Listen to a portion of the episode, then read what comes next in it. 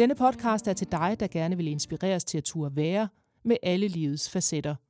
Den er til dig, der sommetider føler dig alene i det svære. Den er til dig, der vil grine, græde og være nysgerrig sammen med os. Den er til dig, kære menneske. Velkommen.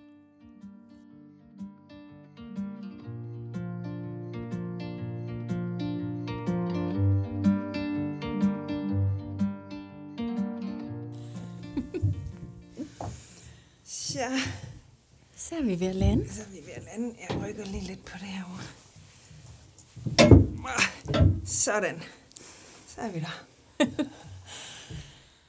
Hej Mi. Hej Mette. Så er vi klar igen. Vi er tilbage i Odense i denne her uge. Det er vi nemlig. Og i dag der skal vi tale om at sætte grænser.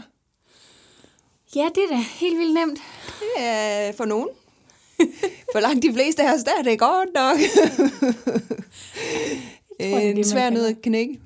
Op ad bakke. Op, ad bak- ja, simpelthen. Og i modvind. Og med ski på. ja, også det. Oh.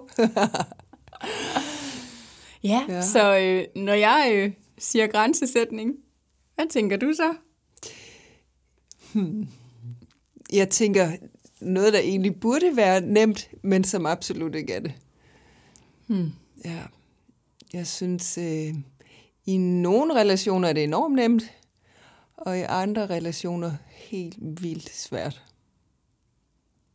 Og det er jo egentlig meget interessant, Ja, ikke? At der er forskel på, hvor nemt eller svært ja, det er det der med at sætte grænser. ja, det er det. Gud ved, om det handler lidt om, hvor man er tryg og hvor man ikke er tryg henne. Det kunne godt være. Det kunne det være. Hvad tænker du? Det er meget i samme, øh, samme boldgade som dig, vil jeg sige. Altså, jeg, jeg har virkelig arbejdet med grænsesætning, og, og det at prøve at blive bedre til det i mange år, men jeg synes godt nok stadigvæk, det er svært. Øhm, jeg kommer i hvert fald ubevidst til lynhurtigt at skubbe mine egne behov i baggrunden, indtil jeg så lige pludselig ikke kan mere, fordi de så bare buller og larmer så meget, så jeg faktisk bliver langt mere til besvær, Mm. end jeg ville have, have været, hvis jeg bare havde sagt, hey, det er sådan her, jeg har det, jeg har brug for dit, Ja. ja. du, dat, dat, ikke? Ja. Hvor er det pudsigt, den der ser jeg også mig selv havne i gang på gang på gang. Ja, Fordi man tænker, åh, jeg kan lige glatte lidt ud her, lige, hvis jeg lige viger lidt udenom, eller dukker mig lidt, så kan de andre lige komme til, og så glider det. Og det er bare ikke altid sådan, det er. det er virkelig sjældent faktisk, mm. ikke? Mm. Også fordi, altså jeg, det er virkelig ikke noget, jeg er stolt af, vel? Men altså, det jeg også bare nogle gange kan genkende i mig selv, det er, at, at så kan jeg godt lande i sådan en martyr-ting. Hvor jeg sådan lige pludselig synes, det er enormt synd for mig. og så er det bare sådan, ej, prøv at høre, det er jo ikke fair, hvis man ikke har givet andre mennesker chancen for at møde en i behovet. Nej. Eller selv har taget ansvar for det behov, så oven i købet at lande i sådan en, men det er også lidt synd for mig. Ja. Nej, det, det, det er også en af grundene til, at jeg virkelig øver mig meget på det, fordi jeg bryder mig faktisk ikke særlig meget om at havne i den der situation. Mm-mm. Og jeg havner der, når jeg har skubbet det for langt. Ja. Ja, men jeg kan så meget ikke genkende det til det. Altså, det er helt frygteligt. Så kommer det bare ud mellem sidebenene, ikke? Ja, det gør det nemlig sådan noget forurettet noget. Ja. Oh. Og kønt, det er det jo ikke. Øh, ikke særligt. Nej, jeg synes, du sagde sådan et fint ord, jeg lige blev mærke i ansvar. Det kan jeg mærke, fordi jeg arbejder meget med det i øjeblikket, fordi jeg er blevet opmærksom på, at jeg er vanvittigt dårlig til det. Mm. Jeg troede ikke, jeg var så dårlig, som det er gået op for mig i virkeligheden er. Nej. Øhm, og jeg kan mærke, at en af de trin på den rejse, det er at tage ansvar for mig selv og mine egne handlinger, men også det, jeg selv føler. Ja, mm. præcis. Ja. Og det er bare virkelig, eller det kan være virkelig svært, ikke? Mm. Jo, for sådan der. Så Nå. hvordan gør du, når du siger, at du øver dig på det? Hvad, er der noget sådan helt konkret, du lægger mærke til, du gør? Øhm, altså, jeg har jo nok i lang tid bare gjort ting, jeg ikke nødvendigvis ville, fordi jeg tænkte, oh, det, så er det strøget af listen, og så kan vi ligesom komme videre i teksten. Øh, og det har jeg jo fundet ud af, at det har ligesom skubbet mig lidt op ad en mur at arbejde på den måde. Mm.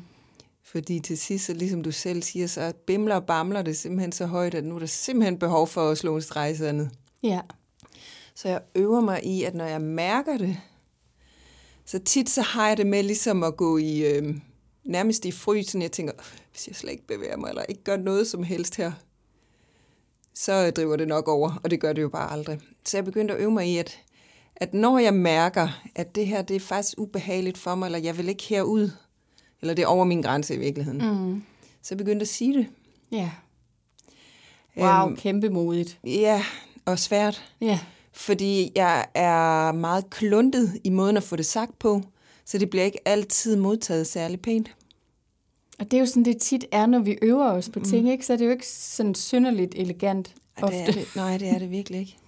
Så jeg har faktisk prøvet at sige højt til mig selv, eller faktisk også til dem omkring mig, at jeg øver mig lige nu. Ja, Jeg ved godt, det virkelig ikke er kønt, og det lyder helt forkert, men bær lige over med mig. ja. Gud, en kærlig måde over for dig selv at gøre det på. Ja, det var faktisk en virkelig god veninde, der sagde det til mig. Hey Mette, du er jo ikke skide god til grænser. Hun er ret god til at gennemskue mig. Hvad med, at du gjorde sådan her? Prøv bare at sige til folk, du er ved at øve dig. Ja, og tænkte, yep, den napper jeg. godt råd. Ja, godt råd. Så tak, piger. Det er hermed givet videre. Det er nemlig givet videre. Ja, jeg har også sagt til hende flere gange, hun skal optræde som livsklog kone, men hun er i et helt andet felt. Ja, Men, Men- men livsklog, det er hun. og man har også brug for livskloge koner i andre felter. Ja. Så det er kun godt. ja, præcis. Ja. Så Ja. det er, nok, det er min tilgang til det lige nu. Fordi jeg har fundet ud af, at det, der ofte sker, når mine grænser bliver overskrevet, det er, at jeg bliver sådan... Øh, hvis det er virkelig groft, så kan jeg blive sådan helt fordømmende. Hmm. Og få virkelig meget foragt over for den person, der har gjort det, sådan nærmest... Ej, ikke håne, det er alligevel voldsomt nok, men sådan... Ad, altså helt gøre nar med. Eller udstille på en eller anden måde, gøre grin med vedkommendes, øh, måske ikke lige det situationen handler om, så et eller andet andet dumt personen kunne finde på at gøre. Og hvor jeg tænkte, uh, den var eddermag med grim at opdage den der. Men i virkeligheden tænker jeg også, når du siger de der ting, at vi, det er måske der, hvor vi også kommer rigtig meget i kontakt med vores skyggesider, ikke? Mm.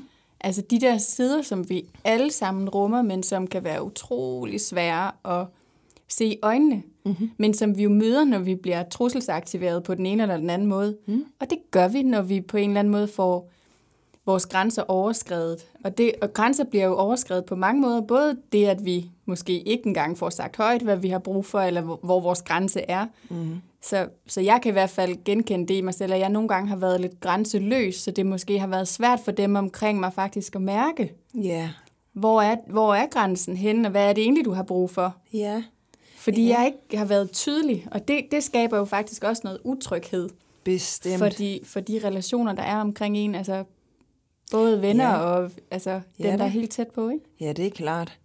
Plus at, at folk, der oplever en grænseløs person, bliver jo tit grænsesøgende. Mm. Ikke? Børn er jo super gode til det. Nå, der var ikke en grænse. Fint, så moser jeg lige videre.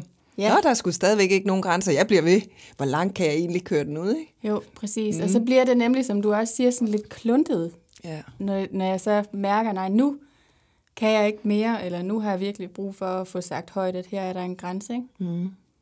Så jeg kan virkelig godt genkende det der med, at der så bliver skabt nogle følelser indeni, som så sætter alt muligt i gang, som overhovedet ikke handler om andre, men som bare handler om, at jeg egentlig bare har kørt det for langt ud ind i mig. Ja.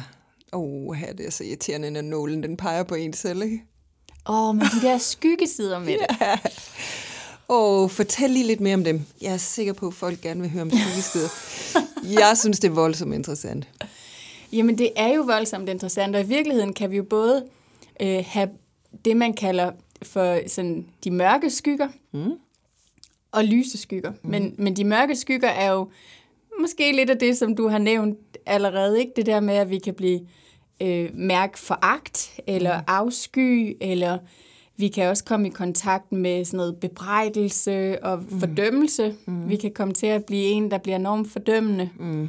Øhm, så det er sådan nogle af de der, for mig for eksempel, der er vrede, det er helt klart også en mørk skyggeside. Jeg har så svært ved at rumme. Jeg ved ikke om vrede, men i hvert fald, hvis den tipper over til aggression, mm. så, kan jeg slet, ikke- altså, så er jeg simpelthen stemplet ud. Ja. så ser man bagenden af dig Ja, langt væk. så er den der smuttet. Ja.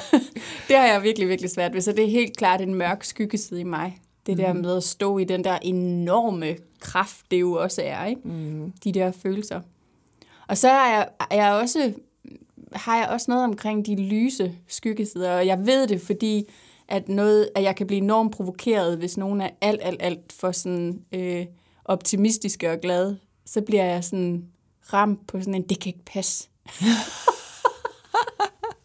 eller bare jeg kunne være sådan, eller du ved, så, så i virkeligheden lige så snart, at der er noget, der aktiverer os enormt meget, eller vi føler noget, en enorm sådan, det kan både være en beundring, eller en enorm frastødelse i et andet menneske, så er det fordi, vi, vi har noget skygge på det. ja.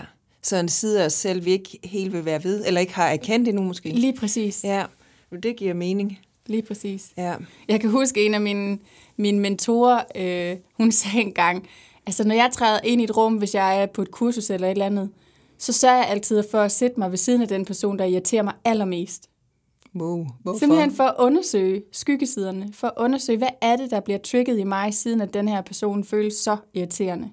Wow, hvor modigt. Eller man kunne også sige, en anden side af det kunne være, siden at jeg beundrer den her person så meget. Ja. Hvad er det så, der lige bliver aktiveret ind i mig? Hvad er det, jeg ikke har set i mig selv? Eller ikke vil se i mig selv? Wow, så det er jo at gå direkte mod skyggen i virkeligheden. Hold op, så man, det er jo egentlig sjovt at lave den. Prøv at tænke til en fest, hvordan man, hvis man kender få, eller ikke ret mange i hvert fald i selskabet, hvordan man lynhurtigt spotter dem, der er lidt ligesom en selv, og så fiser derhen, ikke? Jo. Hold op et godt sted at træne det der med at henvende sig til no- nogen, man normalt overhovedet ikke vil tale med. Ja, lige præcis. Fordi det giver jo en... Altså, det er jo mega svært, fordi når vi bliver følelsesmæssigt aktiveret, så er hele kroppen jo med. Ja, Og jeg kan mærke det bare, at vi sidder og taler om det nu, så popper der sådan forskellige billeder af typer mennesker op, hvor jeg bare bliver sådan, au, au, au, au, au, au. Nej, så vil jeg hellere sidde ved siden af Mette.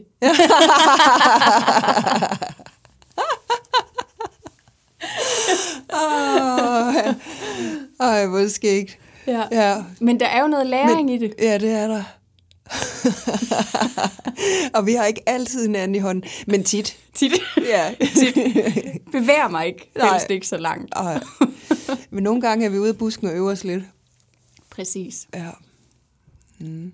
Prøv at komme med nogle eksempler på, hvordan du øver dig, hvis du har nogle andre strategier end din tidligere mentor.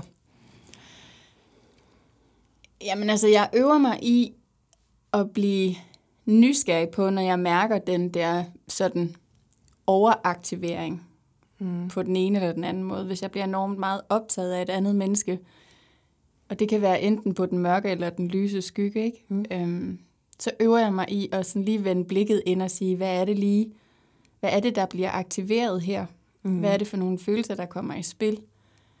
Øhm, og så simpelthen bare gå lidt på opdagelse. Ikke noget med at prøve at fikse det, eller... Fordi det er, jo det, det er jo virkelig nok det, jeg synes, der er allersværest. Det er det der med ikke at gå i fikse-mode. At så må jeg ikke have det, som jeg har det, eller...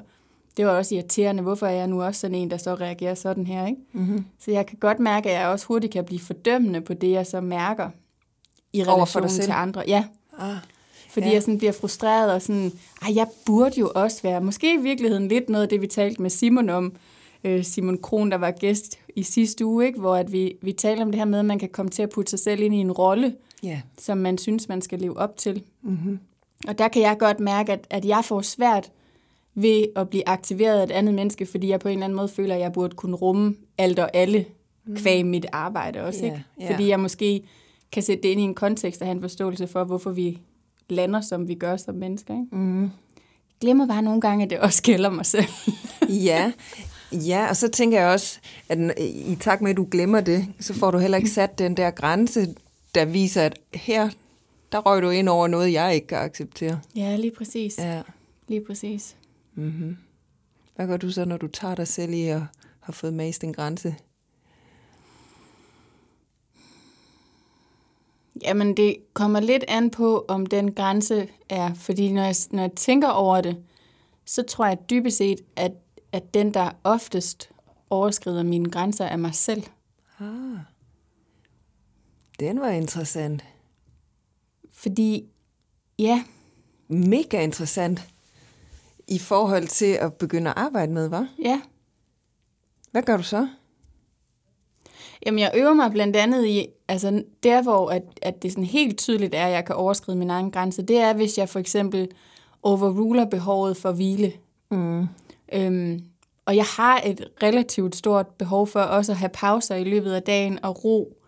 Øh, jeg, er et menneske, som virkelig sanser meget og, og tager mange indtryk ind af gangen. Mm. Så hvis jeg bare har været, nu har jeg været en tur ind i Odense Centrum her i løbet af formiddagen, og jeg har masser af lydindtryk og lysindtryk og alt muligt, som jeg kan mærke, at min krop den går og, og arbejder med. Jeg har haft en samtale med et menneske, fordi jeg var inde og få, få ordnet mine hænder, ikke?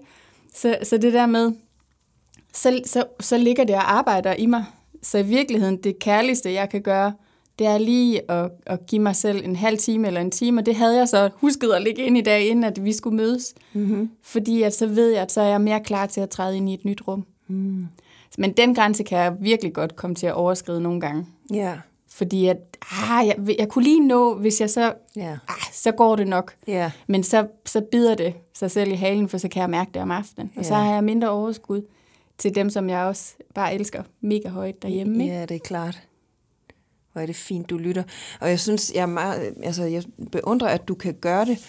Fordi jeg ved, hvis det var mig, der skulle tage en halv time ud midt i en dag, hvor jeg vidste, der lå mere i løbet af dagen efterfølgende, så ville jeg have så svært ved at være i ro i den halve time. Altså mit hoved ville buller rundt, og jeg ville blive restløs, og synes, jeg skulle. Det var også nemmere lige at få det ud at køre, så vi ligesom kommer videre i teksten. Få det klaret på en Ja. eller anden måde. Ja, Hvad gør du der? Jamen, jeg ved ikke, altså jeg er, på en eller anden måde så er det lidt heldigt, men jeg er sådan udstyret, eller indstillet, eller hvordan man kan sige det, mm. at jeg kan i princippet, hvis jeg har en halv time, så kan jeg sagtens ligge mig ned og sove i 20 minutter, og så vågne igen. Så, så jeg, på den måde er jeg meget taknemmelig for, at min, min, mit system også er så god til bare at nulstille sig. Mm. Og hvis jeg så oplever, at jeg af den ene eller den anden grund ikke kan det, eller jeg ikke er et sted, hvor jeg kan komme til det, så, så forsøger jeg. I dag, der gik jeg jo ind i byen, så der gik jeg bare rundt, stille og roligt, uden at tage sådan en stilling til noget, men bare nussede lidt rundt. Mm-hmm. Øhm, og ellers så kan det være noget med at sætte mig ned med lukkede øjne. Hvis jeg for eksempel er her i huset, og der skal ske flere forskellige ting på en dag, Mm. så sætter jeg mig bare ned og prøver at lave en meditation, eller lytte til noget musik. Mm. Det virker virkelig godt for mig, Mm-hmm. som et afbræk. Ja. Fordi det er som om, at tankerne kan ikke både nyde musikken, og så køre derud af. Wow, men det er nok, når man har så sensitivt system, som du har, at så tapper man ind meget, forestiller mig. Ja, i- virkelig i de meget. ting, der er. Ja. Virkelig meget. Mm. Så hvordan er det i forhold til, når du så får den ro, du skal have? Er det så nemmere for dig at sætte grænser? Helt klart. Mm. Det er lidt som om, at hvis grænsen først er blevet skubbet lidt til, så er det faktisk, glider det lynhurtigt væk fra mig. Altså, så du ryger med det, eller hvad? Ja, ja, sådan så det bliver sværere at sætte grænsen. Ah, på den måde, ja. Øhm, prøv lige at tænke på, om jeg kan komme på et eksempel. Jo, et eksempel kunne måske være, hvis jeg, hvis jeg ikke har fået lagt pause nok i løbet af en dag, og jeg så kommer hjem om eftermiddagen, så i stedet for faktisk at sætte mig ned, som jeg bare ved, jeg har brug for. Hvis jeg har været i gang fra morgenstunden, og så kommer jeg hjem om eftermiddagen, og jeg ikke har haft nogen pauser, så ved jeg, at det jeg bør gøre, jeg bryder mig ikke så meget om det ord, men det jeg bør mm. gøre, det er at sætte mig ned Mm. og lige hvile mig. Bare lige et kvarter eller 20 minutter. Mm. Måske endda lukke øjnene. Mm. Men det, jeg så nogle gange kommer til at gøre, det er lidt ligesom, jeg får sådan et billede af sådan en duracell-kanin, Oh. der bare sådan begynder, og så, så kan jeg lige ordne lidt vasketøj, eller så kan jeg også lige sætte noget, tømme opvaskeren og sætte noget ja. mad klar, og sådan, hvor jeg nogle gange lige tager mig selv lige sådan, hov, kan det vente 20 minutter? Ja, Fordi så får du lige chancen for at sætte dig ned og Ja. lige mærke, hov, der var jeg. Ja der Jeg var er du. lige her i min krop lige nu. Ej, jeg ser sådan helt et billede af dig, som du har afsløret i nogle af de tidligere afsnit, at når dit tempo bliver højt, når du begynder at løbe rundt på gangene, så, Ja. så har du faktisk misset den der pause der, du har haft behov for. Mm, den er egentlig Ja. ret tydelig, når man Den- ikke? begynder at lidt mærke til den. Pium! Og jeg bliver svær. Man kan ikke finde stopknappen igen. Nej. Det er som om, den er, den er simpelthen bare rådet. Den ja, er gået ja. i udu. Man kan heller ikke lige lave den der prik, prik, prik. Øh, fornuft vil være lige nu. Nej, Nej. Det tager vi igen her. Der går. Ja. det er også derfor, det er bedst for alle, når jeg får de pauser. Det er virkelig, virkelig bedst for alle. Og, ja, det er jo selverkendelse, der vil noget. Ja. Ja. Og kønt er det ikke. Nej. Ja, det, Men det fede er, at når vi bare øver os, så er det lidt nemmere at bære over med. ja, præcis. Og den synes jeg, den gør utrolig meget for mig, den der med, at jeg øver mig. Fordi så behøver jeg jo ikke at være perfekt til det. Nej. Så må det godt komme kluntet ud. Ja, lige præcis. Og måske lærer man øvrigt også noget af det. Ja. Ja. Næste step må være så at spørge nysgerrigt ind til, hvordan det bliver modtaget. Så langt er ikke noget nu. Nej, men der er jo noget vigtigt i det, du siger der, ikke? Fordi det der er i hvert fald, når vi i det relationelle sætter grænser, mm. øhm, eller bare i det mellemmenneskelige sætter grænser, så, så er der jo også noget utroligt sårbart på spil. Fordi en ting er jo faktisk at stå ved, at man måske har mærket en grænse inde i sig selv, mm. og acceptere den der. Men det at skulle sige det højt til en anden menneske, der er jo også sådan et vist kontroltab i det, ikke? Mm. Fordi vi ikke aner, hvordan den anden tager imod det. Præcis. Ja, men det ligner jo fuldstændig øh, teorien i al kommunikationsarbejde, det der. Man har et budskab, man sender afsted fra afsenderen over til modtageren, men du har ingen kontrol over, hvordan det bliver modtaget over i modtageren. Nej. Overhovedet. Og det er jo også bare fordi, at lige så snart, at vi er i samspillet med et andet menneske, så har vi jo hver vores altså, historie med, vi mm. har hver vores fortid med. Mm. Så, så hele, og hele vores nervesystem, som i øvrigt jo også er blevet påvirket, måske fuldstændig vidt forskelligt, mm. fra vi var helt små, og også måske endda så små, så det har dannet hele vores, hvad kan man sige, fundament for, hvordan vi følelsesmæssigt møder os selv og dem omkring os, når vi bliver ældre. Ikke? Mm. Så, så lige så snart at vi er samspillet med et andet menneske, så, så bliver det hele bare sådan enormt sådan, fordi vi ikke rigtig ved, hvordan det, vi siger, bliver modtaget i den anden. Ikke? Præcis. Og det er også der, hvor det der med de flydende eller de udviskede eller ikke eksisterende grænser, de virkelig spiller os et pus. Ja, Fordi den besked, der bliver sendt afsted, den bliver nødt til at være meget klar og tydelig, for at den ikke skal blive misforstået. Mm. For meget i parenteser er næsten lyst til at indskyde, ikke? Fordi der tit opstår misforståelser bare i, i øh, et simpelt budskab, der skal overbringes, ikke? Jo, det er jo i virkeligheden også fordi, at jeg, jeg får lyst til sådan, kommer til at tænke på sådan et billede af, at når vi, når vi på en eller anden måde har fået nogle overbevisninger med os Mm. Fra vores fortid, mm. vi har fået dannet en eller anden ubevidst regel omkring, at noget er på en bestemt måde. Lad os bare sige billedet af, at jeg er ikke god nok, for eksempel. Hvis det ligesom er det fundament, der ligger og hviler indeni, mm. så kan man sige, så har man et sæt briller på, der kigger på verden ud fra det verdenssyn. Mm-hmm. Og samtidig kan man jo også få nærmest få sådan et par høreapparater på, som også hører, Ja. som lige har sådan en filter Ja. af, jeg er ikke god nok, Ja. som, som bliver sådan, kommer ikke, og så kan vi bare ikke høre altid, hvad der bliver sagt, vel? Eller se det, der reelt set foregår. Nej. Og så er det jo, at det bliver super svært at kommunikere med hinanden, ikke? Ja, virkelig. Fordi hvis jeg hele tiden sidder og hører og lytter efter signaler, som på en eller anden måde understøtter min overbevisning om, at jeg ikke er god nok, mm. Eller jeg ikke er værd at elske, mm. wow, så bliver det svært at sige noget som helst til mig, ikke? Ja. Ja, og så bliver man jo nervøs for ja. den relation eller den kommunikation. Præcis, og det der, det foregår hele tiden imellem mennesker, fordi Ja. vi bare har overbevisninger med os. Vi har Ja. sætninger, vi har fået læret på et eller andet tidspunkt. Ja. Ja, men sådan er det jo bare. Hvis jeg så skal lægge et lag mere oven i det, så synes jeg noget af det, der har betydning for mig også, når folk præsenterer mig for en grænse, de selv har, så er det måden, det bliver sagt på. Ja. Altså et toneleje kan virkelig være afgørende. Ordene kan næsten være underordnet, fordi tonelejet går igennem først. Ja. Og du har så meget ret, og det er faktisk noget af det, jeg arbejder jo rigtig meget med compassion-fokuseret terapi, og noget mm. af det, Paul Gilbert ret tidligt blev øh, bevidst omkring, og i virkeligheden noget af det, der er, sådan er fundamentet i compassion-fokuseret terapi, mm. det er blandt andet sådan noget som toneleje. Mm. Fordi han blev nysgerrig på, hvorfor er det, at der findes jo en terapiform, som hedder kognitiv adfærdsterapi, som er rigtig meget brugt. Det hjælper rigtig mange mennesker godt, men han blev nysgerrig på, hvorfor, hvorfor hjælper det egentlig ikke alle? Mm. Hvad, hvad er det lige, der sker der, hvor det faktisk ikke hjælper? Ja.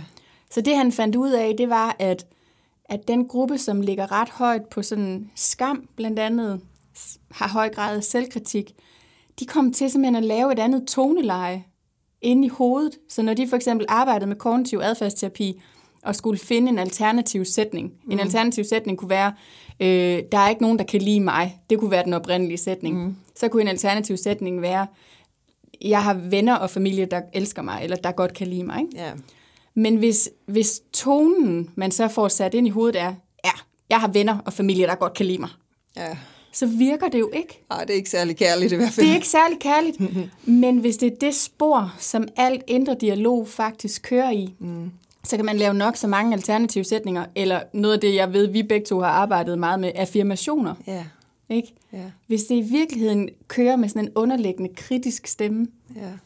No way. no way, om det kommer til at virke. Så, Nej. så alene det at gå ind og være opmærksom på, faktisk også når vi taler til os selv, hvordan er mit toneleje? Mm. Og hvordan vil jeg tale til et menneske, som jeg elsker rigtig højt? Kan jeg gøre noget i den indre dialog, mm. for at få noget mere varme ind i min stemme og i mit toneleje? Kan jeg sætte hastigheden lidt ned? Mm. Kan jeg skrue på det på en måde, hvor jeg faktisk virker mere imødekommende over for mig selv? Mm. Det er jo mega interessant, ikke? Så, Jo. så det kom bare lige til at tænke på det, da du sagde det her. Ja, Men hvor er det bare vigtigt i, den, i kommunikationen med hinanden, at vi også har den der medmenneskelige forståelse, ja, for at vi er forskellige. ja, jo, præcis. Og så er der hele kropssproget, som faktisk også gør noget. Yes. Er vi kærligt henvendt imod den person, eller er det lidt afvisende og lidt tilbageholdende? Ja. Det ryger jo også ind før selve ordene, der bliver sagt. Ikke? Jo, Vi afkoder det i et splitsekund. det gør vi bare. Ja. Det gør, jeg kan simpelthen ikke lade være at tænke på øh, pigerne og jeg, vi er begyndt at se Gilmore Girls, som er... Åh, det er en dejlig serie. dejligt. Det er egentlig en gammel serie, men det er først lige gået op for mig nu, hvor god den virkelig er. Den har jeg også set Ja. flere gange. Ah, men den er jo fantastisk.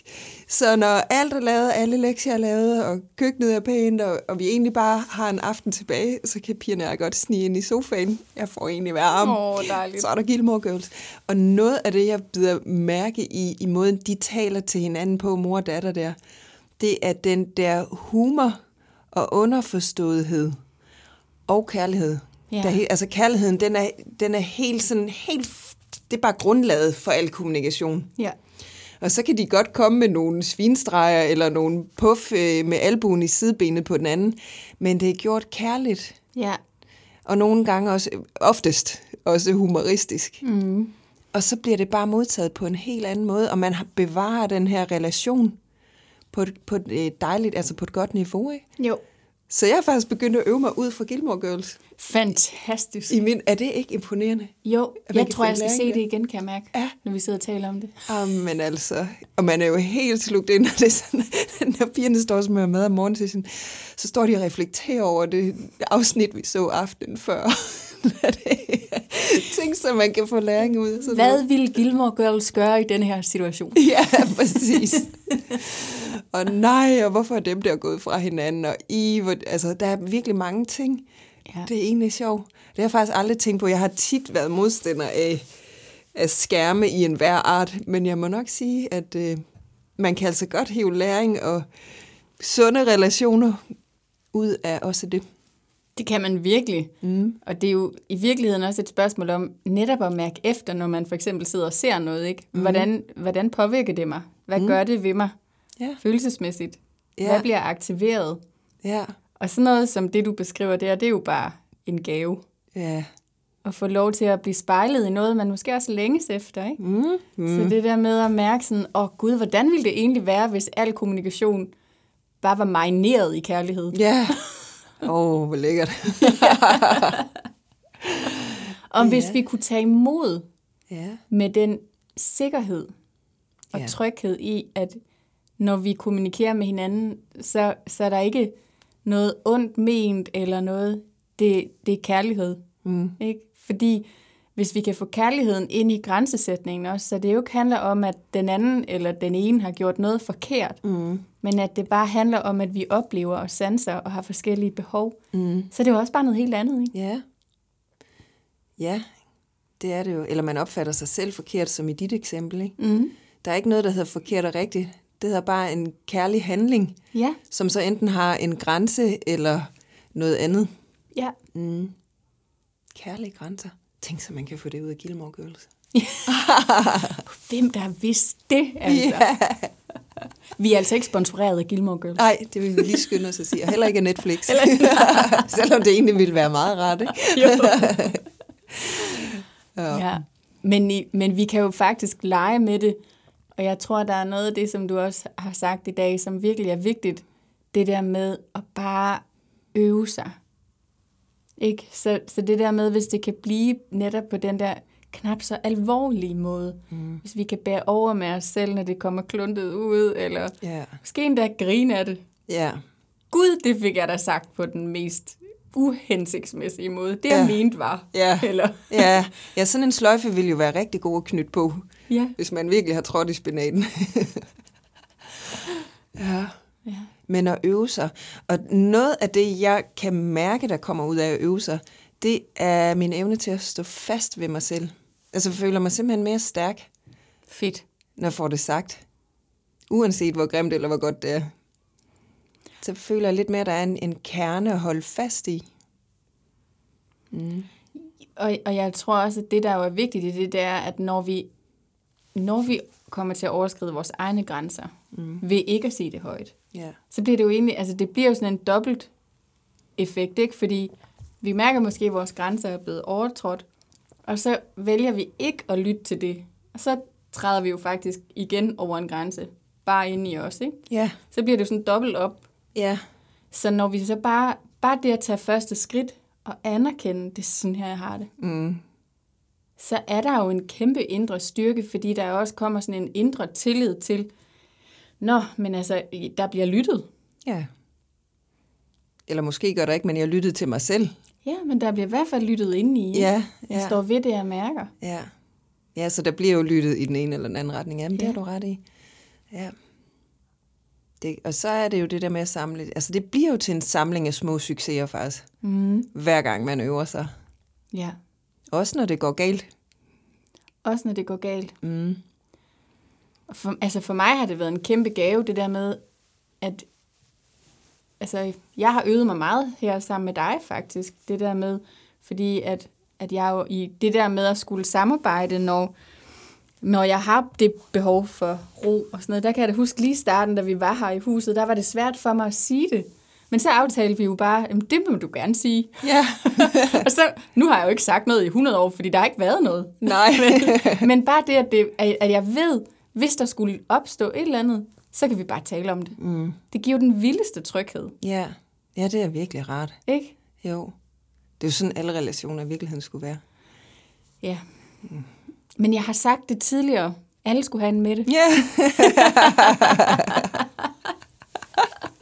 det bliver den bog, vi udgiver. ja, alle skulle have en Mette. Ej, den skal nok hedde kære menneske, hvis vi arbejder den vej, tror du ikke? Åh oh, ja, men Ja. tak. Ja, der er noget i at have nogle relationer, man, man stoler på, eller hviler i. Jeg vil faktisk hellere sige hviler i, ja. hvor det er okay at sige til og fra, og gøre og ændre. Nogle gange kan det også være svært at ændre på en aftale eller en grænse, man har sat. Helt vildt. Ja. Det synes jeg faktisk godt kan være svært, hvis man i en relation ændrer på en grænse, fordi man selv har flyttet sig, eller der er sket noget, der gør, at nu kan jeg rykke mig. Og så at det bliver modtaget med en, "Jamen, nu har du lige sagt, og nu siger du sådan, det er forvirrende. Hvad så? Hvad mener du? Du, du, du, du. Ja. Den er jo også svær. Åh, jamen, det var bare fordi.